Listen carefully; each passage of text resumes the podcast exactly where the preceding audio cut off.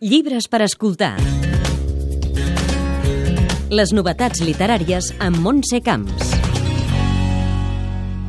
Avui us parlem de dues reedicions i una obra pòstuma. It will not be hard to find a dedication for the money És la veu de William Faulkner durant l'acte d'entrega del Premi Nobel de Literatura el 1950.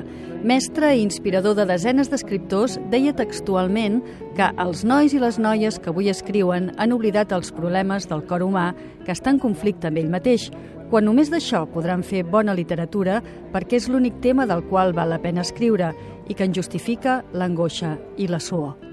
Un consell d'or de l'autor de Llum d'agost que edicions de 1984 ara recupera amb la publicació de la novel·la Mentre moria, traduïda per Esther Tallada.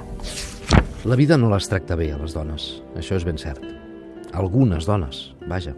Ara em ve el cap que la mama va viure fins més enllà dels 70. Va treballar cada dia del món, plogués o fer sol. No va tornar a fer llit mai més d'ençà del naixement del seu últim fill, fins que un dia va ser com si donés un cop d'ull al seu voltant i en Cabat va anar a buscar aquella camisola de dormir de puntes de feia 45 anys que tenia i que encara era l'hora que tragués del bagul, i se la va posar i es va estirar al llit i es va tapar fins dalt i va tancar els ulls. Mentre moria és una de les obres mestres de Faulkner que va escriure només sis setmanes i de matinada, quan feia de bomber i de vigilant de nit a la central elèctrica de la Universitat de Mississippi. I ressonen les obsessions de la seva literatura a partir de la història de l'Adi Brundren, una dona que agonitza a la seva habitació mentre sent com el seu fill gran li va construint el taüt sota la finestra.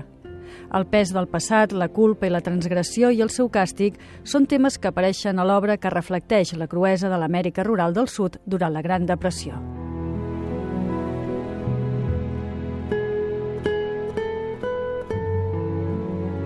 El meu amor sense casa. L'ombra del meu amor sense casa. La bala que travessa l'ombra del meu amor sense casa les fulles que cobreixen la bala que travessa l'ombra del meu amor sense casa. El vent que arrenca les fulles que cobreixen la bala que travessa l'ombra del meu amor sense casa. Els meus ulls que arrelen en el vent que arrenca les fulles que cobreixen la bala que travessa l'ombra del meu amor sense casa. El meu amor que s'emmiralla en els ulls que arrelen en el vent que arrenca les fulles que cobreixen la bala que travessa l'ombra del meu amor sense casa. L'editorial Proa recupera La passió segons René Vivien, l'única novel·la de Maria Mercè Marçal que va morir fa 21 anys.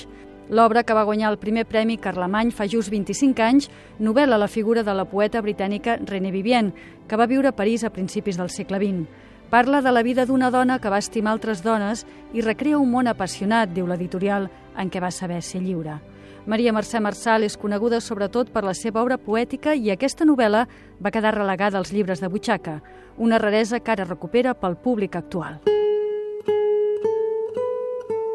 I de dues reedicions passem a una publicació pòstuma. Som un producte de la nostra història. Aquesta sí. història va... Edició 62 publica l'obra pòstuma de l'historiador Josep Fontana, que va morir l'agost de l'any passat. Es titula Capitalisme i democràcia 1756-1848, com va començar aquest engany, i denuncia la desigualtat social i fa una anàlisi crítica dels inicis del capitalisme. El pensament de l'historiador en estat pur, segons explica l'editora Pilar Beltran. Aquest llibre mostra la preocupació per un tema fonamental amb la societat actual, que és el de la desigualtat social, que va creixent en el món contemporani de manera eh, cada vegada més flagrant.